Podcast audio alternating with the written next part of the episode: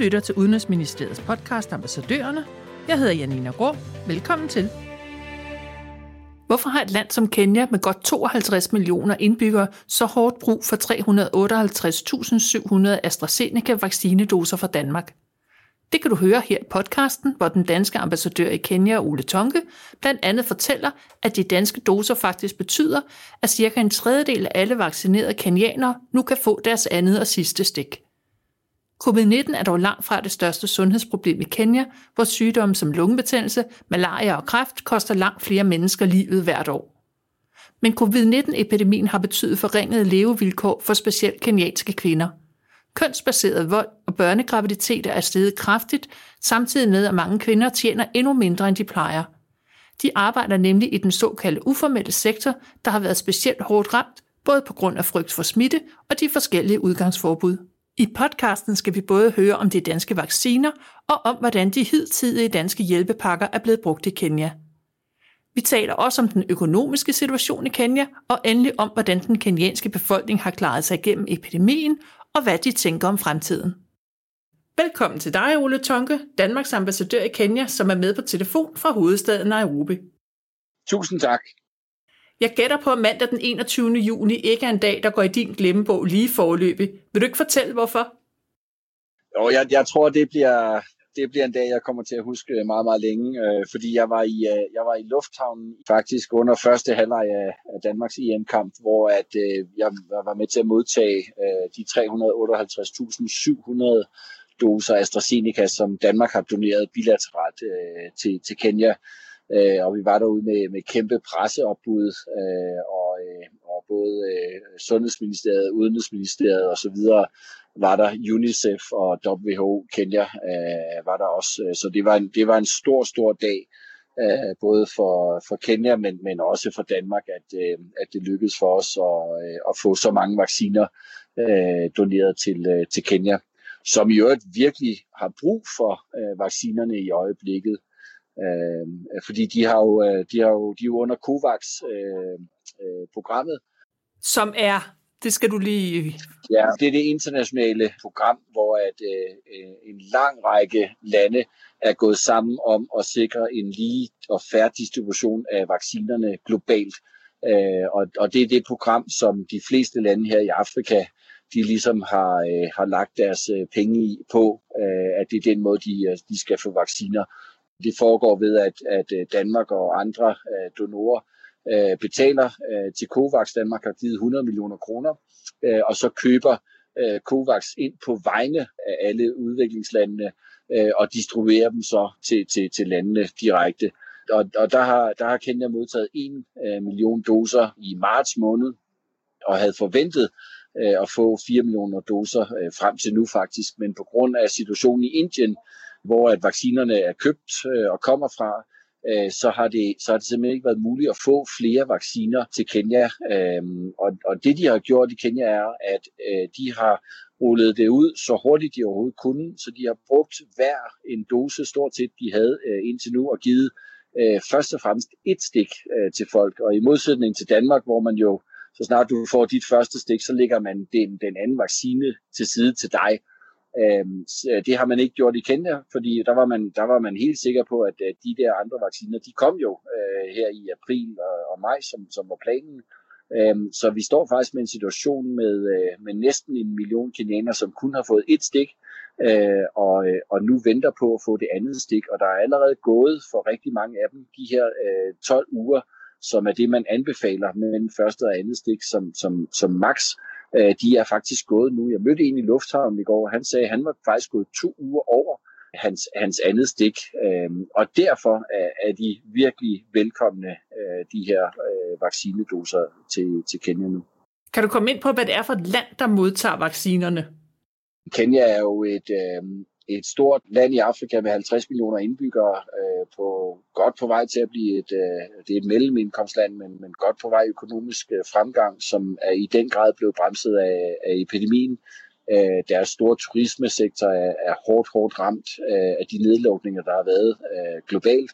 Vi har været igennem tre bølger af, af corona allerede i, i Kenya nu, øh, og, og der er blevet lukket øh, rimelig hårdt ned hver gang, øh, og, og det rammer virkelig øh, specielt den, den, den øh, mere fattige og udsatte del af befolkningen virkelig, virkelig hårdt, som, som jo får, får revet deres øh, livsgrundlag væk fra, fra en dag til, til, til den anden simpelthen, og, og mange familier har, har problemer med overhovedet at, at skaffe mad på bordet til børnene om, om aftenen.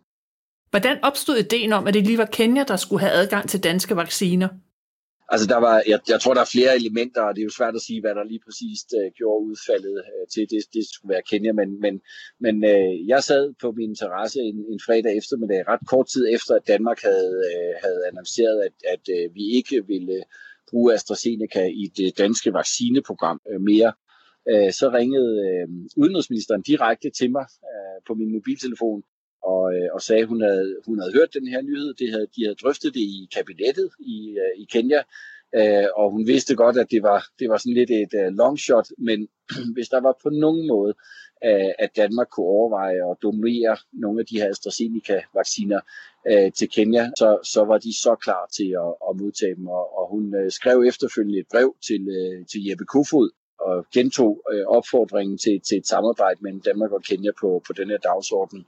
Øh, så hører det absolut også med til historien, at, at da, man, da man fra Københavns side kontaktede UNICEF for at høre om muligheden for samarbejde mellem UNICEF øh, og, og Danmark på at få, få nogle af de her vacciner doneret, Øh, så pegede UNICEF øh, på Kenya, fordi øh, Kenya har været ret gode øh, relativt set i forhold til mange andre afrikanske lande til faktisk at få udrullet deres vacciner og få brugt øh, de vacciner, de modtog. Så, så UNICEF øh, Danmark pegede faktisk på, på Kenya som, som en af de mest oplagte kandidater til at, til at få vaccinerne. Så jeg tror, det er sådan et mix af forskellige omstændigheder, der gjorde, at, at valget i første omgang her faldt på, på Kenya. Vi skal også høre om de danske covid-hjælpepakker, som Kenya har modtaget penge fra. Kan du komme med nogle konkrete eksempler på, hvor I har kunne se, at den danske bevilling har gjort en forskel? Jeg synes, det, det mest oplagte eksempel er et, øh, et cash transfer program, som vi har lavet sammen med, med, med Røde Kors, øh, altså Dansk Røde Kors øh, og Oxfam, øh, hvor at, at netop øh, i forhold til at, at hjælpe den, den fattige del og den sårbare del af befolkningen. Øh, så i, øh, i slumområder, flere slumområder kender både i, øh, i Nairobi og Mombasa, øh, så identificerede man de personer øh, i øh, de her uformelle øh, eller slumområder, som havde mest brug for hjælp, og dem lavede man en, en, øh, en hjælpepakke til, sådan så de fik overført øh, penge direkte på deres øh, altså kenyanske mobile pay, øh, så de faktisk kunne klare dagen og vejen og, og få noget mad på bordet og, øh, og betale deres øh, husleje ude i, øh, ude i slummen øh, og så videre. Jeg var ude og besøge det øh, for nogle måneder siden, og, og det er jo helt utroligt en, en kæmpe forskel, øh, de penge har gjort for, for de enkelte familier, og, og virkelig har, har været med til at hjælpe nogle af, af, af de her skæbner øh, igennem de øh, nedlukninger, der har været i, øh, i, i Kenya. Øh, og det gav vi, så vidt jeg husker, 30 millioner kroner til, og, og de, de har virkelig, altså der har vi fået meget for, for pengene der. Og hvis vi kigger på den økonomiske situation i Kenya som sådan, kan du give et kort overblik over, hvor meget Kenya har modtaget udenlandsbistand, og hvordan Kenyas økonomi er påvirket af covid? Altså, øh, det er klart, at der er en række lande, der har, øh, der har givet en, en række hjælpepakker øh, på, på, på linje med Danmark. Altså, hvis man ser helt overordnet på det, så har corona så far ikke været en, en stor sundhedsmæssig katastrofe øh, i et land som Kenya. Der er faktisk stadig mange, mange flere, der dør af, af andre smitsomme sygdomme. Øh, HIV-AIDS for eksempel øh, er, der, er der langt flere, der er døde af i den her periode end, end corona. Øh, det samme øh, gælder sådan noget som øh, TB og diarré. Selv trafikuheld er der, er der flere, der er døde af her under coronapandemien. Men, men, men de sociale konsekvenser og de økonomiske konsekvenser for Kenya har været, har været enorme. Øh, og, og specielt sådan en sektor som, som turistsektoren, øh, som jo er enormt arbejdskraftintensiv, har jo været fuldstændig lagt ned af, af, af pandemien, så, så det har slået virkelig, virkelig hårdt øh, i, øh, i, i Kenya.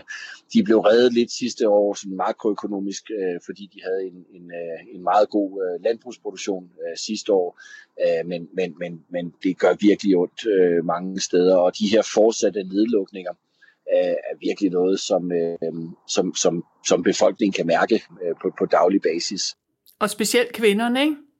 Jo, øh, altså mange af dem, jeg mødte ude i, øh, ude i slumområderne, var, var, var kvinder, som jo lever af at, at vaske tøj for naboen eller sælge tørret fisk på markeder, øh, som, som igen fra den ene dag til den anden fik revet deres, øh, deres øh, indkomst fuldstændig væk. Det, der ofte skete, var også, at, at mændene de, øh, ikke havde noget at lave, øh, gik ud og drak øh, de penge op, der overhovedet var, og, og kom hjem og tævede kvinderne, øh, eller, eller simpelthen bare efterlod dem og tog op til deres øh, familie øh, op øh, øh ude på landet, og efterlod de her kvinder i en, i en helt øh, forfærdelig situation. Øh, oven i det, så, så kan vi se på, på statistikkerne, noget af det, vi følger i forhold til kvinders rettigheder, øh, på øh, vold mod kvinder, børneægteskaber, prostitution øh, og børnegraviditeter øh, er steget markant i øh, her under, under pandemien, og, og nogle af de her indikatorer, som vi følger, er jo, er jo slået 5-10 år tilbage øh, i forhold til de fremskridt, vi trods alt havde opnået i, i Kenya. Og her til slut, hvad forventer kenianerne sig af fremtiden? Altså det kommer fuldstændig an på, hvordan øh, pandemien øh, kommer til at udrulle sig øh, fremadrettet her i Kenya, og også særligt, hvordan turistsektoren øh, kommer, kommer til at rejse sig igen, og igen afhængigt af, hvordan vaccinerne øh, kan blive rullet ud her i Kenya, øh, fordi det, der, altså, de udsigter, der er på vaccinationen, er, at der kan snilt gå et år til halvandet, før at den kenyanske befolkning øh, bare til nærmelsesvis er, er vaccineret til flokimmunitet. Øhm, og, og øh, det er sandsynligt, at de kommer til at trækkes med en, med en både fjerde og, og femte bølge. Vi ser i Uganda i øjeblikket, hvordan Delta-varianten øh, har betydet en, en total nedlukning af, af, af store dele af Uganda. Øh, og, og, og den er man jo enormt bange for her i landet, at, at den kommer også til, øh, til Kenya snart. Det var slut på podcast om de danske vacciner til Kenya. Hvis du vil vide mere, kan du følge ambassadøren på Twitter. Tak til ambassadør Ole Tonke, og tak fordi du lyttede med.